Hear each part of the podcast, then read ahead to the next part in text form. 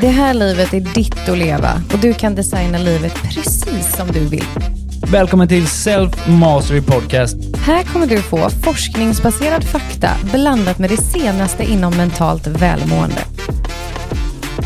I den här podden ger vi dig konkreta steg och verktyg för att bli en bättre version av dig själv.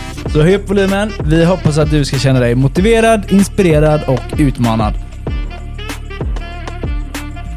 Let's go! Varmt välkomna till avsnitt nummer 20 av Self Mastery Podcast. Det här är ett litet speciellt avsnitt. Det här har jag längtat efter att få göra. Det är ett ämne som ligger mig otroligt varmt om hjärtat, nämligen närvaro. Hur mår du min älskling?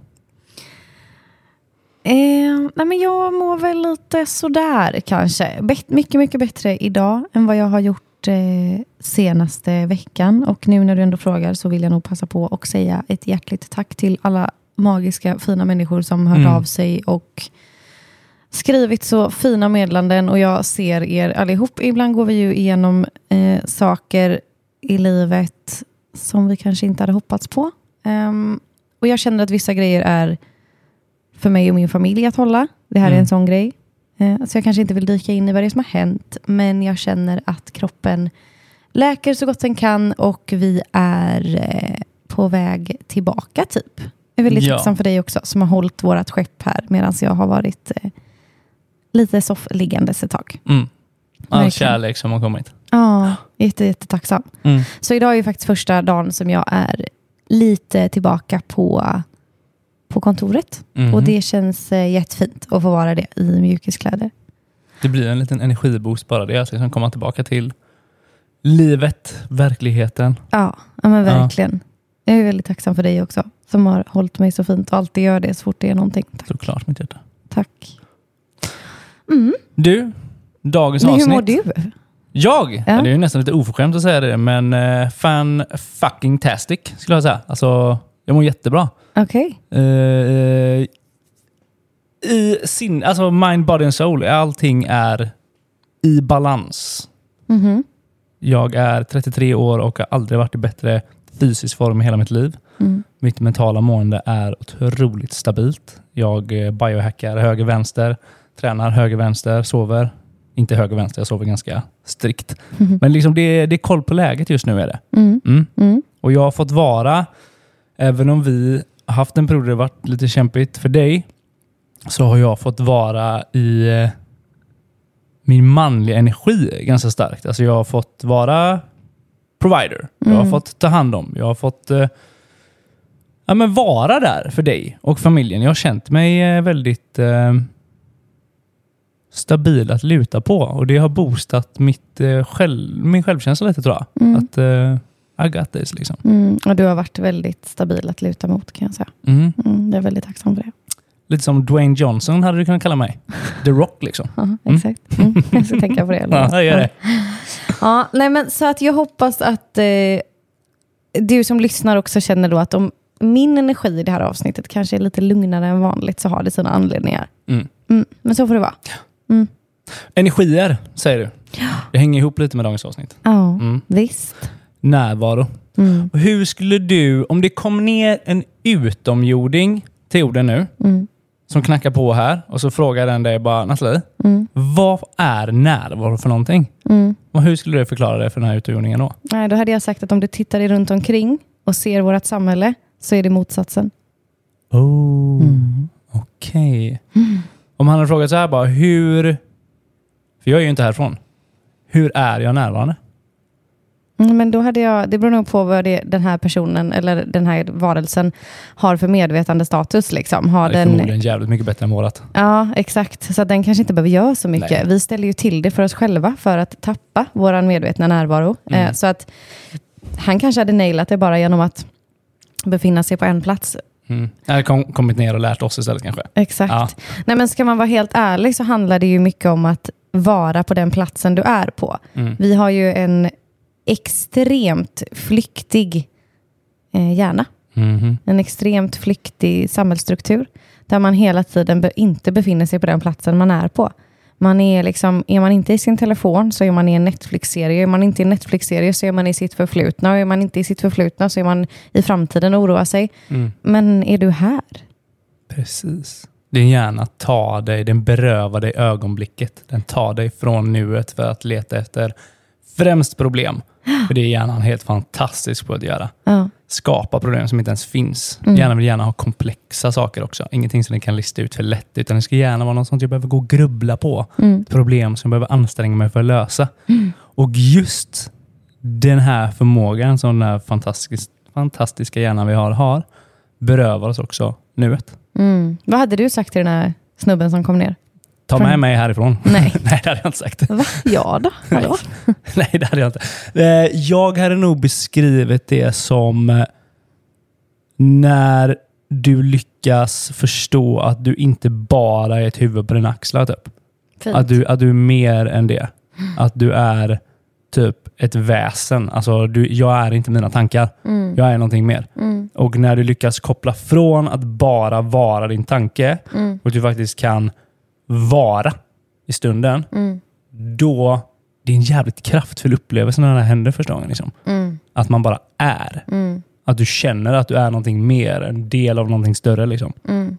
Jag kan känna att det krävs så himla mycket för att förstå det här. Mhm. Alltså typ, håll, bear with me nu när jag ska säga det jag säger nu. För att alltså, en del av oss är det så viktigt att förstå att vi är inte vad vi tänker. Är du med? Mhm. Dina tankar är inte det du är. Liksom. Samtidigt som vi också vill lära ut och förstå att tankens kraft är så stor. Mhm. Är du med? Du kan ju flytta berg med din tanke om du tänker på rätt sätt. Mhm. Alltså rätt sätt som menar what serves you.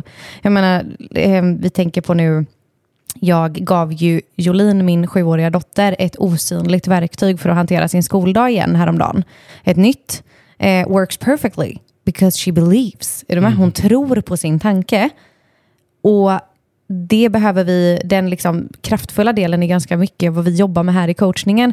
Medan vi också behöver backa hem och säga ibland, du är inte det du tänker. lyssna Förstår, alltså, förstår du mitt, mitt, Ja. min konflikt här? Det är skitsvårt Ja. att liksom lära sig och hårfint att förstå när du ska dela på dem. För jag är alltså själv ett praktexempel på en person som känner så här, jag vet att det jag tänker är så kraftfullt, att jag kan påverka hela min verklighet, jag kan ta mig precis dit jag vill, jag kan lyckas med precis det jag önskar och drömmer om, för att min tanke är så kraftfull.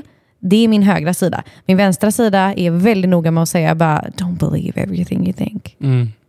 Alltså är du med? Det är så här Ja, ja, ja. jättekomplext det här ju. Ja, men man måste hitta någon form av balans här. Alltså, vill, when you wanna get shit done, då kommer du behöva använda tanken. Mm, Men när du behöver vara, jag skulle kalla det bara för vara, mm. då behöver du koppla från tanken. Men är vi... Jag är inte så förtjust i bra och dåliga, så. Alltså om Mm. man ska hela tiden definiera saker som bra och dåligt. Men, men för att göra det enkelt då, är vi så bra på att bara vara? Nej. Nej. Nej, nej, nej. Terrible. nej men sen, jag tror inte, det kanske var en konst förr i tiden. Jag vet inte, där det var mer naturligt. Men idag, alltså för mig inkluderat, alltså det är någonting man behöver praktisera. Mm. Att hålla sig närvarande. Det är ingenting som du bara är. Liksom. Det är Nej. någonting du behöver träna. Precis Ja, och, det, och det svåra där är liksom att om man ser tillbaka på sin uppväxt eller på sin eh, ja, men uppväxt, inte bara i relation till sina föräldrar utan också till skolan, till kompisar, till allting, så finns det ju, inte för alla, men för majoriteten av oss, så fanns det ju ingen medveten praktisering av att bara vara. Nej, Ingen. nej. There's always doing.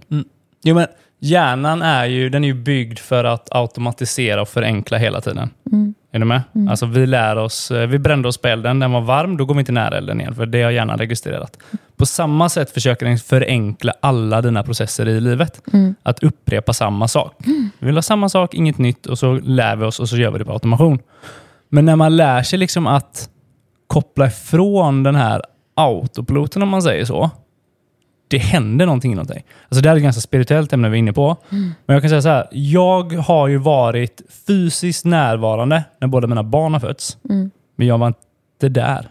Nej. Är du med? Mm. Och då har jag insett nu i efterhand, nu när jag har lyckats så här, faktiskt kunna koppla av min autopilot och inte bara låter saker hända mig, att jag har missat så jävla mycket. Nej, men alltså det här är så sorgligt. Det är skitsorgligt, men Ja. jävligt häftigt samtidigt. Och jag är så tacksam att det inte gick mer tid innan jag förstod det här. Mm.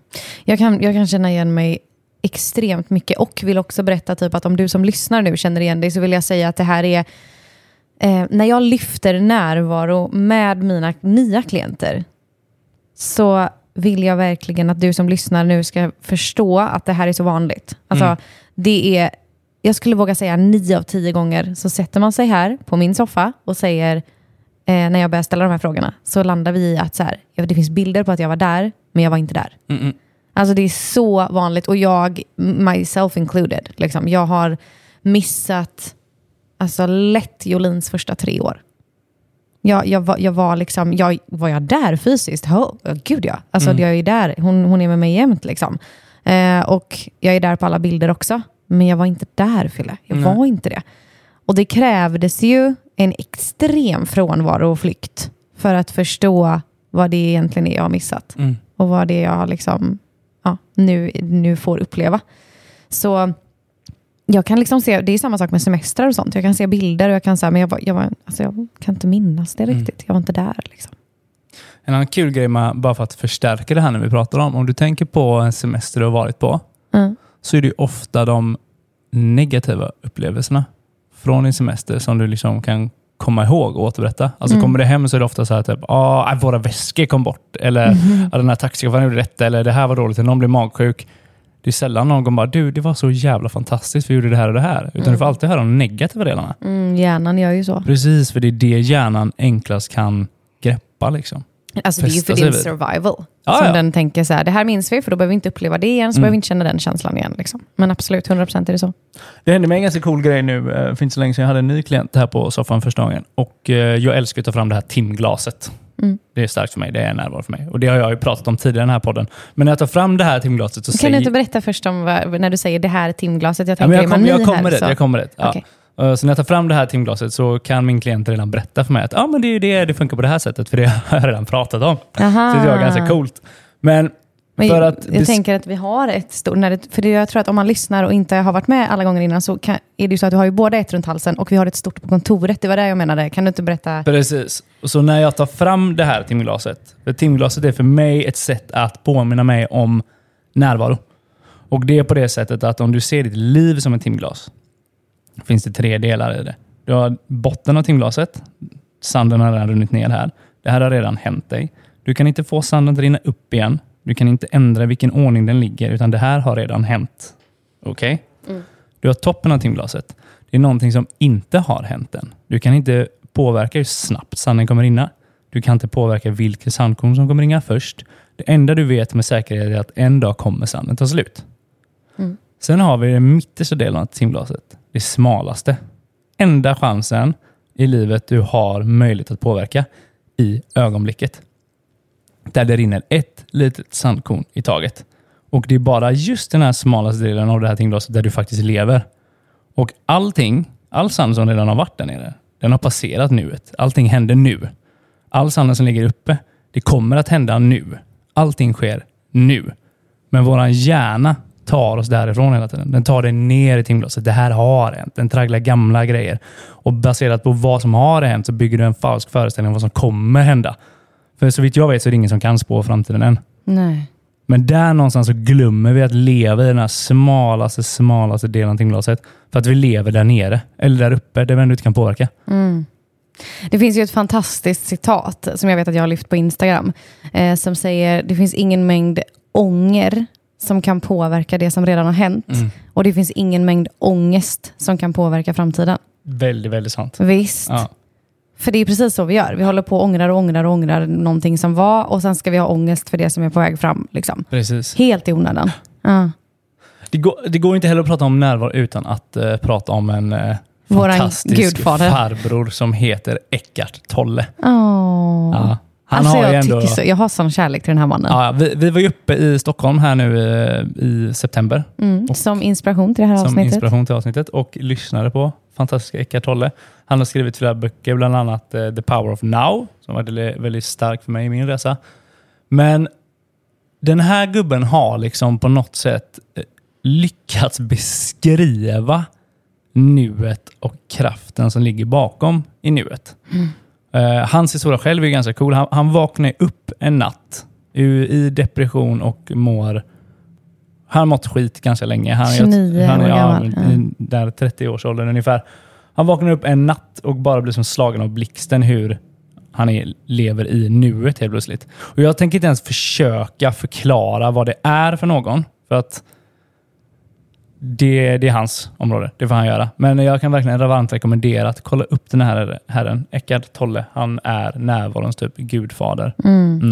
Och alltså, otrolig upplevelse att få, att få se honom live. Mhm. För att vi åkte ju då upp till Stockholm och eh, besökte Radisson, eh, eller vad heter den? Water Waterfront Congress. Congress. eller? Waterfront Congress, precis. Den här stora arenan där han då var. Vi var eh, dryga 3000 personer som satt liksom taggade på att få se den här. Och, och som en, en kvinna som kommer från showbiz och hela liksom dans och musikalvärlden så var det ju extremt speciellt att komma in på liksom en, en stor arena, alltså fantastisk arena. Väldigt, den är coolt byggd, liksom, Ja, ja. för man sitter så högt upp eh, och så är scenen långt, långt ner. Och eh, där är det liksom, när vi kommer in så är det liksom, det är en liten Först måste jag säga att jag reagerade på hur mycket olika personer det var som äntrade Ja, in läktaren. ja. Alltså det var unga, det var gamla, det var män, det var kvinnor. Man brukar ändå kunna typ så här, Speciellt jag som är så intresserad av marknadsföring. Man brukar alltid kunna se en ganska stark målgruppslinje. Mhm. Här, det gick inte. Nej, det var målgruppsfläkt. Löst. Typ. Ja. Nej, men det var ascoolt tycker jag, att det var så himla liksom brett. Verkligen från unga, unga till very, very, very old people. Ja. Liksom. Skitcoolt. Men så kommer vi in och så på scenen så är det liksom så här, det är en matta, det är en liten stol och det är en blomma. Var ett litet vardagsrum typ. Och en, en litet bord med ett glas på. Och, och när den här, jag vill ändå säga lilla mannen, det är ju spirituellt en väldigt, väldigt stor man. Men det är ju en liten man till... Jag tror, ja, han är ju inte längre än 1,60. Nej, jag tror inte. fan inte det. Alltså. Nej, han är så söt. Han går alltså upp på scenen. Folk liksom är häpnade. För att framförallt tror jag många är berörda av just boken som du nämner som har förändrat både din och min spirituella upplevelse. Mm. Eh, The Power of Now. Och den heter ju eh, Spiritual Guide to Enlightenment eller något va? Något sådant. Awakening, ja. Så jag tror att det är så många som är berörda av den. Men när han kommer upp och liksom sätter sig på den här lilla stolen och bara är och typ, alltså du vet, energin som befann sig i rummet. Sen sitter han alltså och bara lugnt och fint kommunicerar i ord med oss. Och vi är hänförda, 3000 personer, i två timmar. Det, det händer liksom, missförstå mig rätt när jag säger det, det händer liksom ingenting. Och ändå är kraften så stor så länge. Ja, han är helt underbar. Ja, ja, han fångar den totalt. Alltså. Ja, och just hur han är också då. eh, För det här sa ju du till mig innan vi åkte upp, typ, att jag tror att han är ganska rolig. Alltså han hade ju otroligt roliga... Ja, han har humor då. Han har humor och han var väldigt rolig på att beskriva olika saker. Mm. Liksom. Eh, och också stark igenkänningsfaktor. Alltså delvis här så berör han ju ämnen som är ganska smärtsamma i en Ja, ja. själv, om man ska se sig själv i spegeln.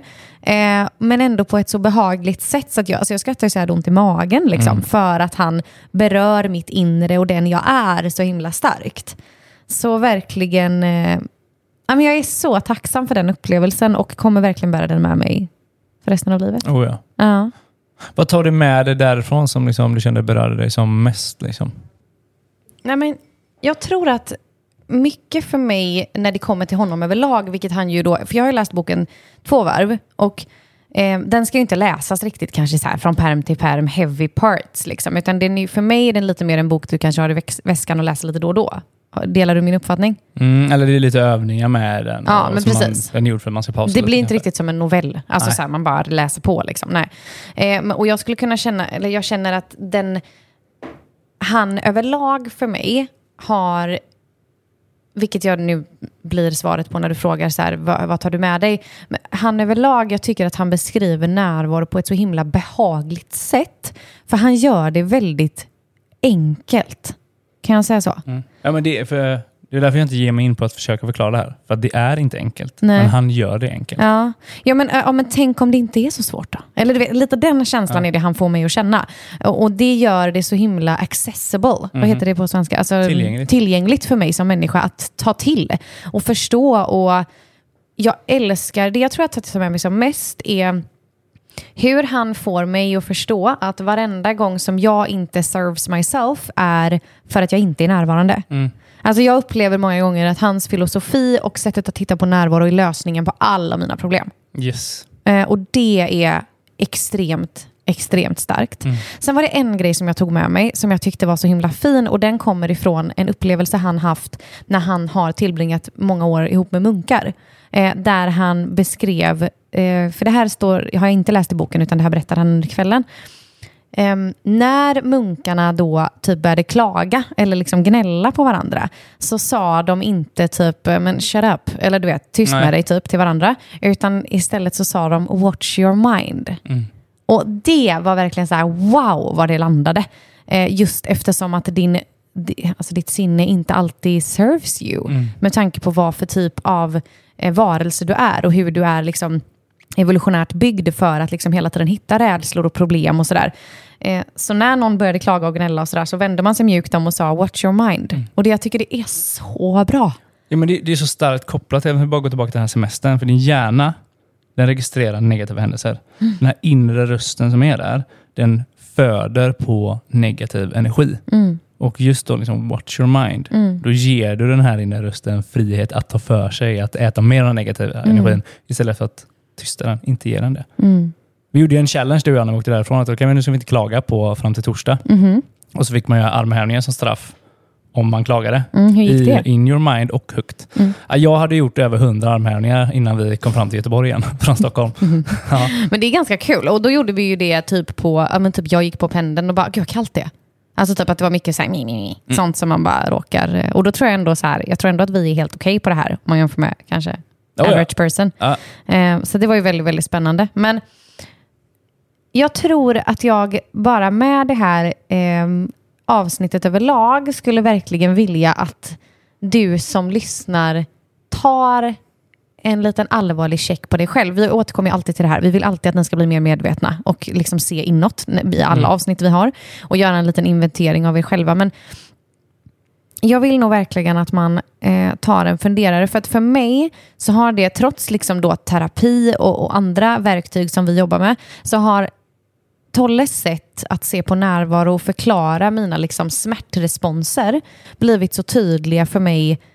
För att helt plötsligt så förstår jag att alla gånger som jag kanske typ eh, går till attack mot dig i en diskussion eller liksom alla gånger som jag typ tappar mitt core value så handlar det om att jag inte är här. För att min kropp sticker iväg tillbaka till någonting som har hänt. Till ett minne. Och det här sker ju undermedvetet så det blir ju jättejobbigt. För att i stunden så känns det ju som att jag är mitt i en diskussion om någonting vi pratar om. Men det som har hänt är att jag, jag eller du har berört en av mina triggers och då sticker jag tillbaka till någonting förflutet, undermedvetet, som har gjort ont. Och så går jag kanske in i försvar eller blir arg eller ledsen eller liksom sådär. Autopiloten på liksom. Ja, och den alltså insikten, kan man börja förstå det? Att liksom nio av, ja, typ tio av tio gånger som det blir ett tjafs eller ett bråk eller en trigger så är det inte här. Mm. Det är inte kopplat till den här stunden just nu, det är kopplat till någonting som har hänt dig förut. Precis. Var det tydligt nog förklarat? Ja. Jag brukar säga så här till mina klienter, att just här och nu, i det här ögonblicket som du lyssnar på min röst, vilka problem har du? Mm. För att så länge du inte typ håller på att bli uppäten av en tiger eller du har något vasst föremål stuckit in i dig så har du inga problem i nuet. Mm. Utan allting är baserat på vad du har varit med om och vad du tror ska hända. I nuet finns det inga problem. Nej, precis. Om det inte är fysisk smärta då. Och nu då när du lyssnar på det här så undrar jag så här, hur ofta är du faktiskt närvarande? Om du bara skulle randomly nu medan du lyssnar på mig och Fille sätta en generaliserande siffra på din närvaro. Hur närvarande är du mellan 1 till 10? Du som lyssnar, pick a number. Mm. 10 är Eckart Tolle och eh, nolla är nada. Nej, noll är panik, och ångest och stress hela tiden. Liksom. Vart är du på den skalan? För att jag... Vi ska dela med oss lite av så här små enkla tips som vi har delat till våra klienter, bland annat i det här avsnittet som ni kommer få. Så här, men så här skulle man kunna, liksom, för att bara få in lite mer tydlig närvaro. För att den närvaron som vi pratar om nu, det finns ju mängder av olika sätt att se på detta. Och vi har valt att dedikera avsnittet ganska riktat till sättet som Eckart Tolle väljer att beskriva närvaro på. Men, men i alla olika typ, liksom, yogakulturer i världen och olika liksom, meditationslärare. Och så här. Det finns ju väldigt mycket olika sätt att se på närvaro. Den du och jag framförallt, vi är ju väldigt spirituella båda två. Men den vi väljer att benämna här och som vi liksom pratar mycket om med våra klienter, den handlar ju egentligen bara om, och tillbaka till vad vi sa för en stund sedan, att vara i rummet. Ja. Vi pratar inte om en guidad meditation eller breathwork där man flyger ut till rymden och går in i andra dimensioner, utan vi är liksom ute efter att du ska vara här. Mhm.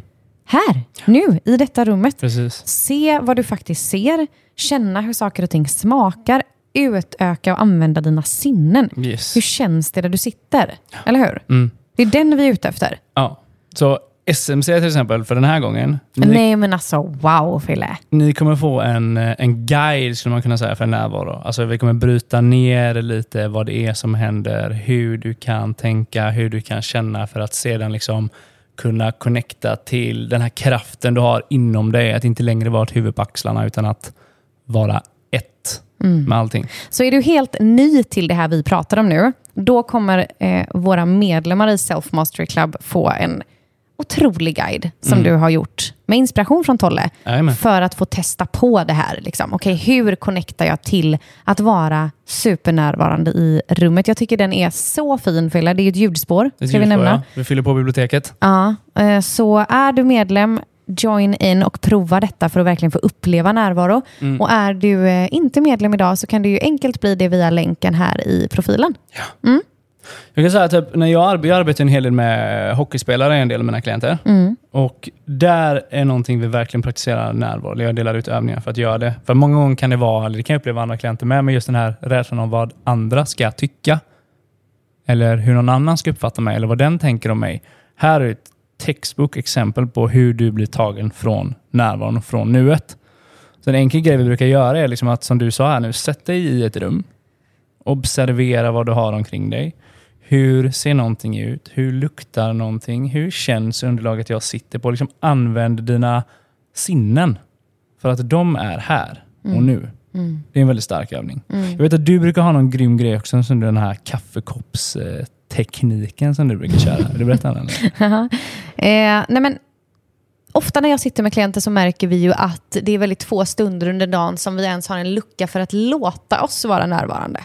Det är alltid en distraktion. Det är liksom, om jag inte så här pratar med någon i telefon, om, och då vill jag tillägga att man kan vara extremt närvarande när man pratar med en vän också, men ofta är samtalet kopplat till någonting som har hänt innan, eller någonting som ska hända. Det är väldigt sällan man är här och nu. Eh, en annan nyfiken grej är att vi brukar ju låna egenskaper ibland från djur. Och hundar till exempel. Är, man brukar säga att människor är 80% frånvarande och 20% närvarande. Och de här 20% kan vara då till exempel att det knackar på dörren nu. Hörde du? Alltså så. Mm. Eh, åh, vad skönt, solen kom fram. Det är ju nu. Liksom. Hundar är precis tvärtom. Så de har 20% eh, icke närvarande, 80% närvaro. Mm. Så de här 20 procenten som de inte är närvarande, det är ju typ så här, åh jag hörde att det kom en bil, den har jag lärt mig att det är Mattes bil, till Mhm. exempel. Medan 80 procent är så här, åh grönt gräs, åh fin boll, Mm, åh precis. god mat, åh hej kom du nu. Alltså de är bara, Ja, ja. de är så glada och här liksom. Hästar måste det också vara ett djur som du har så här otrolig närvaro med. Mm, ungefär samma sak. Liksom. Ja. Eh, och Det är så fint för att de har liksom förmågan av att lära oss det. Om man studerar djuren så blir det så här, det blir så fint. Det är därför jag typ gnäller på dig nu och tjatar på att vi, jag tycker det är jobbigt att vi inte har en hund. Det är ju för att de är så duktiga på att säga typ, hej du sticker iväg nu, här är vi. Mhm. Här är vi. Så närvaron som djuren innebär är ju för mig otrolig. Men tillbaka till den här kaffekoppen som du nämnde. För att då få in det här lite mer naturligt så har jag ofta bett klienter att bestämma sig för att när man går och hämtar en kopp kaffe eller tar en break på något sätt, en kopp te eller bara sätter sig ner, så får man inte ta upp telefonen eller ringa någon eller svara på mail, utan att mer och mer få in fem minuters stillhet. Där jag bara sitter och dricker kaffe. Och det roliga är att när människor börjar göra detta, då får man oftast reaktioner från folk som typ, vad gör du? Det här är så sjukt. Men alltså de sitter då, ja, men jag kanske brukar sitta med min telefon säger vi. Hur Men helt- mår du? Ja, exakt så. Ja. Ja. Helt plötsligt så sitter man i kafferummet, eller i fikarummet på jobbet med sin kopp kaffe och bara tittar ut genom fönstret. Och då kommer det fram någon och bara, men gud, hur är det med Är dig? allt okej? eller? Är allt okej? Ja. Ja. det är så sjukt. Eh, och egentligen så är det liksom practical för att vara här. Ja. Okej, men hur smakar kaffet? Hur känns det egentligen? Jag menar, när vi är på retreats eller håller retreats så jobbar vi ofta med stunder av tystnad. Eh, Och helt plötsligt så har ju människor smakat på maten. Mm. För att annars så käkar du ju och du säger så här, mm vad gott det var. Sen äter du ju inte längre bara närvarande. reflex. du bara käkar medan du lyssnar på någon annans diskussioner om sina problem som hände förra veckan. You're not here. Det här är i eh, Björn Natthikos bok. Ja, Där han fantastisk bok. beskriver, det är ju någon... Jag kan ha fel. Han har, jag tror att han har flera böcker, va? Ja. men just, det här är just Jag kan ha fel. Jag kan ha fel. Och där är det en eh, profet eller någon annan stor munk eh, som... Någon Ja. form av Ja, ledare. där han frågar liksom, vad är närvaro? Och han hade ju verkligen samlat mod till sig för Ja. att gå fram och säga bara, vad, vad egentligen är det att vara närvarande? Och den här mannen svarar att äta glass. Ja. Jag tycker det är så coolt. Ja, men för det ligger någonting i det, där, för, för du har sinnet av smak. Mm. Äter du, eller min tolkning på det här då, äter du glass för fort, då får du brain, brain freeze. Du kan liksom inte slänga i dig på samma sätt som liksom, oh, fan vi kan gå på en fritt, jag är hungrig, utan du kan bara möla det. En glass går inte. Då, då, då kommer du få en brain freeze, det blir jobbigt. Så du måste liksom någonstans sitta och känna in varje tugga. Mm. Jag tyckte det var så coolt sätt att beskriva det. Helt otroligt. För i boken då så, så börjar ju Björn eh, Natthiko typ skratta och bara typ så här, men va? va? Och tror att den här munken skojar med honom. Men det visar sig att det gör han inte alls det, utan han bara, nej, det handlar om att liksom, känna glassen på tungan, känna om den är varm eller kall, låta den glida ner genom halsen. Alltså han är väldigt så här, Ja. typ, in, beskriver liksom hur, och det blir så logiskt. Och kan du få in det här mer i din vardag, att faktiskt vara här. Jag kan inte beskriva med ord vilken skillnad det har gjort Mm. för mitt liv. Hur skulle du säga att det har påverkat ditt liv, att bli mer närvarande? Oj, väldigt starkt. Alltså jag delar ju lite Tolles eh, fantasi här om att liksom, du kan bota ganska mycket med bara att vara närvarande. Alltså allting som har hänt i livet, mycket saker, jag inkluderat, har behövt gå tillbaka och titta på vissa saker, läka vissa saker, förstå vissa saker. Men det är sedan hur du väljer att se på det. Har du tagit lärdom av de här sakerna? För när du kommer i nuet sen, i nästa situation där du utstår för en liknande utmaning, då har du haft med dig en lärdom eller har det varit någonting som hämmar dig och håller dig tillbaka? Och genom att bara vara här och nu och inte koppla tillbaka till de här gamla grejerna, ner i timglaset eller upp i timglaset, utan bara vara här och nu, då blir dina problem ganska små. Mm. De finns inte. Nej. För att du behöver inte vara samma människa som du var för fem minuter sedan. Mm. Det finns ingenting som säger att du ska vara det. Du kan vara en ny människa nu. Mm. För allting händer nu. Mm. Det är det här som är så coolt. För när jag pratar om det här nu så blir det nästan lite, det nästan så lite rörigt. Och, ja, Delusional. precis, och det är Ja. svårt att förklara. Han gör det här så jävla enkelt. Alltså. Mm. För jag det är så stort. Ja. En annan grej som är otrolig om man kollar på närvaro, det jag har lärt mig otroligt mycket, det är barn.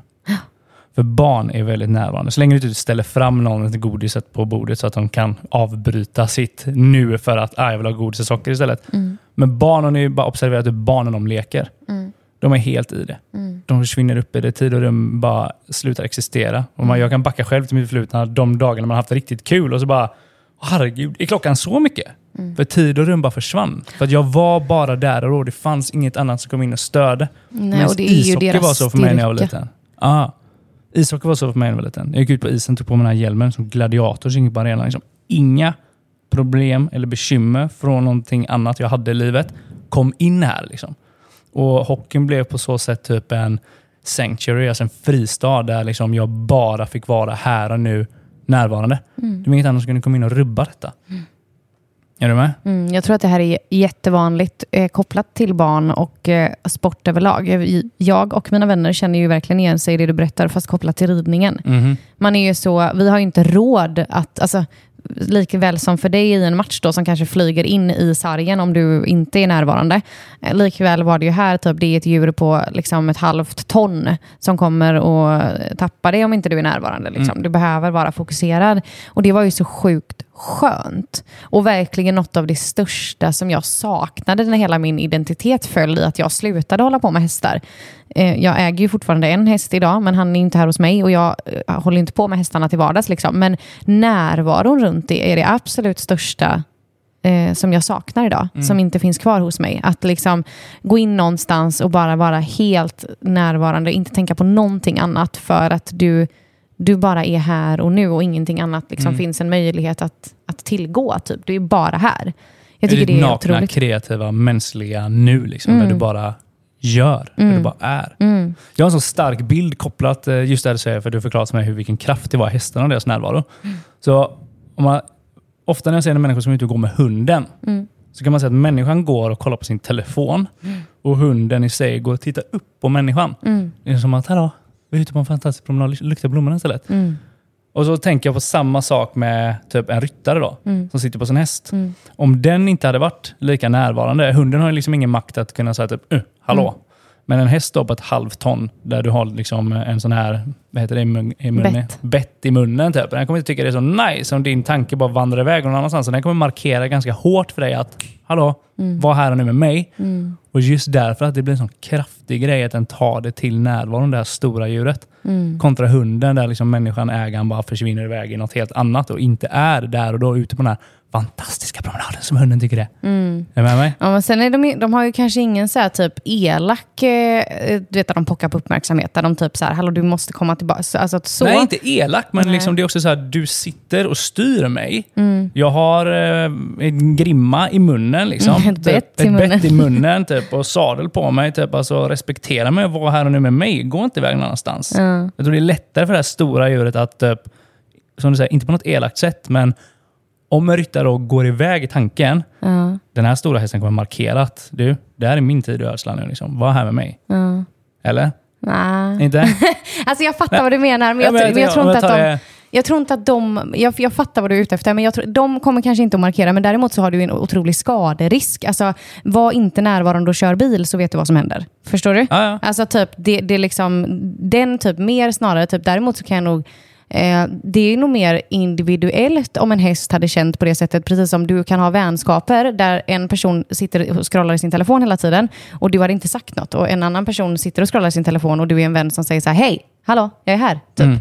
Eh, så självklart, det tror jag, det tror jag absolut. Jag, jag, jag, eh, för mig så är det liksom, you fail as partner om du inte är där. Liksom. Eh, och jag jobbade ju extremt mycket med hästarna från, från marken eh, för att bygga liksom, tillit. Och eftersom jag jobbade mycket med hästar som hade förflutna problem med människor, som vi då klassade som problemhästar. Eh, och då är liksom närvaron extremt tydlig, för att om du inte är där så kommer inte jag ge dig något tillbaks. Det är så du menar, eller hur? Mm. Ja, jag fattar precis. Absolut.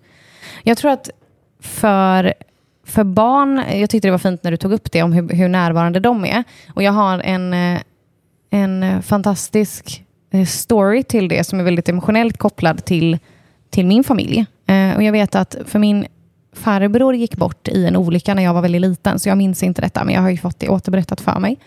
Eh, och det har ju varit en jättesmärta och sorg liksom, i min familj. Och min kusin då var bara sju när han gick bort. Mm.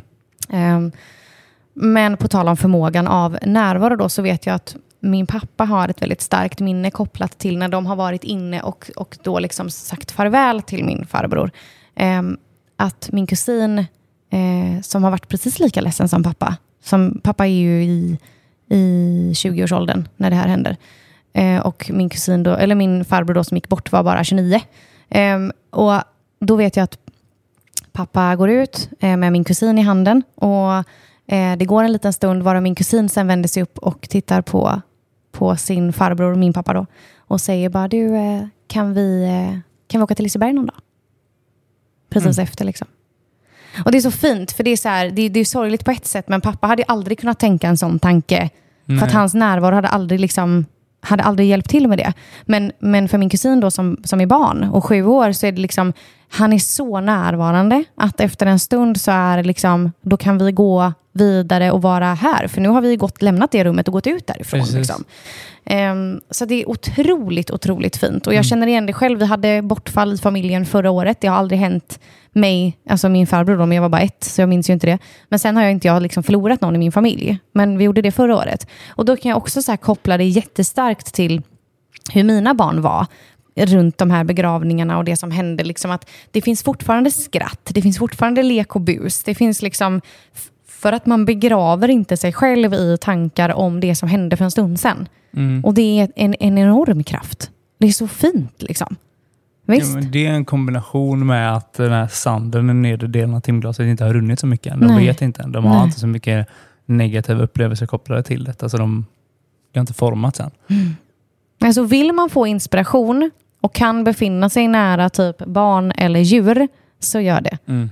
Och iaktta hur de är närvarande, för det är ju helt otroligt. Mm. Utan skärmar.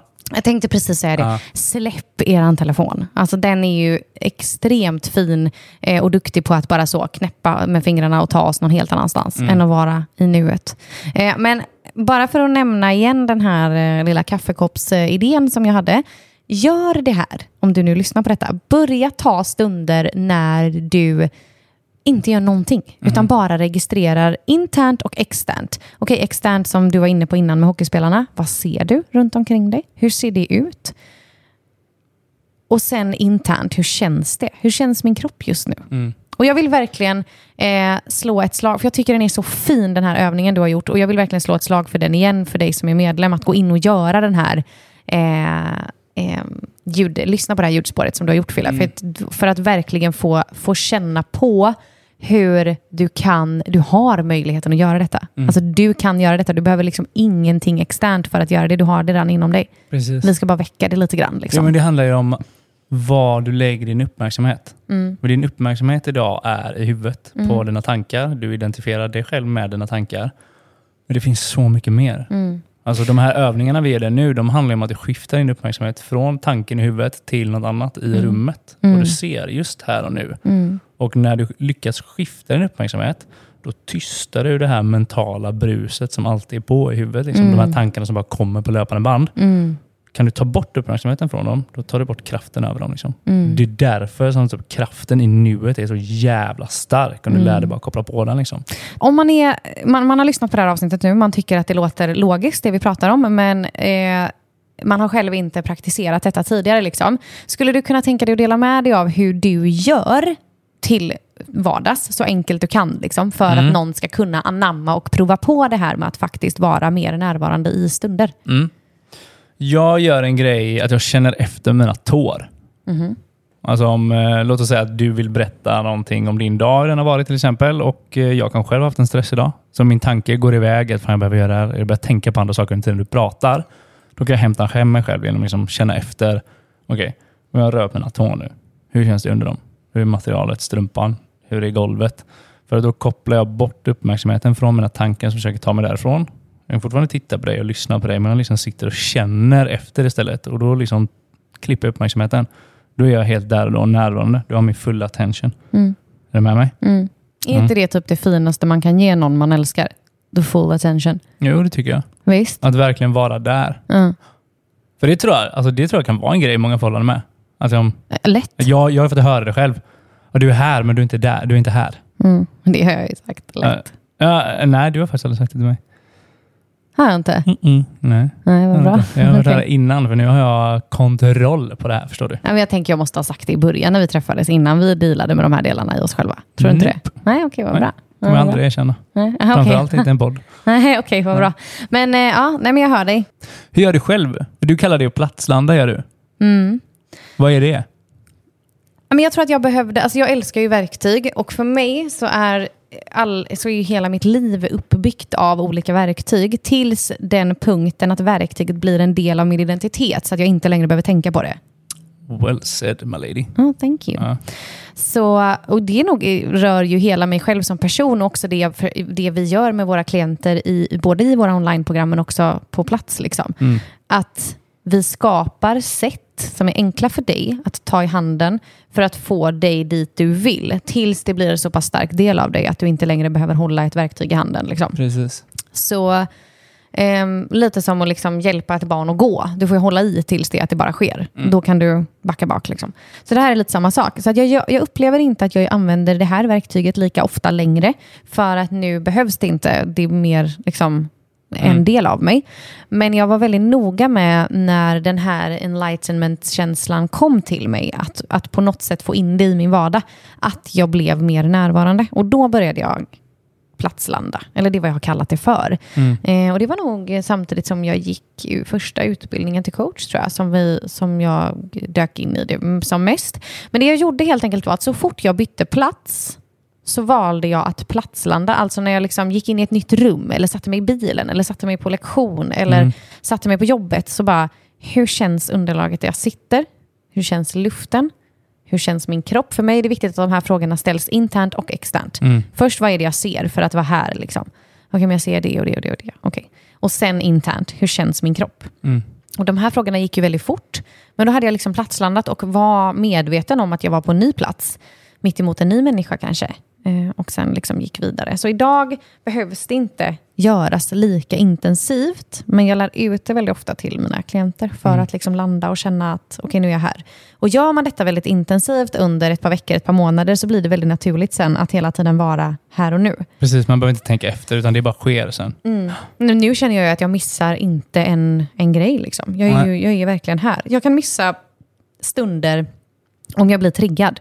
Alltså, för då flyger jag ju iväg. Ja, men då går ju autopiloten på. Exakt. Då är det den Så botten då av kan jag timglaset som går in och tar över. Men det nu. blir också så tydligt nu. För att om vi sen sitter ner och typ så här, nej men eh, du sa eller du kände eller du upplevde, då kan jag ju känna att det är blank space. Att Ja. jag bara typ, jag vet, jag vet inte vad som hände. Jag vet inte, för att jag är inte alls så närvarande som jag var, alltså som jag är när jag är lugn. Liksom. Ja, precis. Men fortfarande så himla imponerad över att det händer. För det som är coolt kan jag tycka är att vi har ju numera stunder när kroppen är på väg att sticka.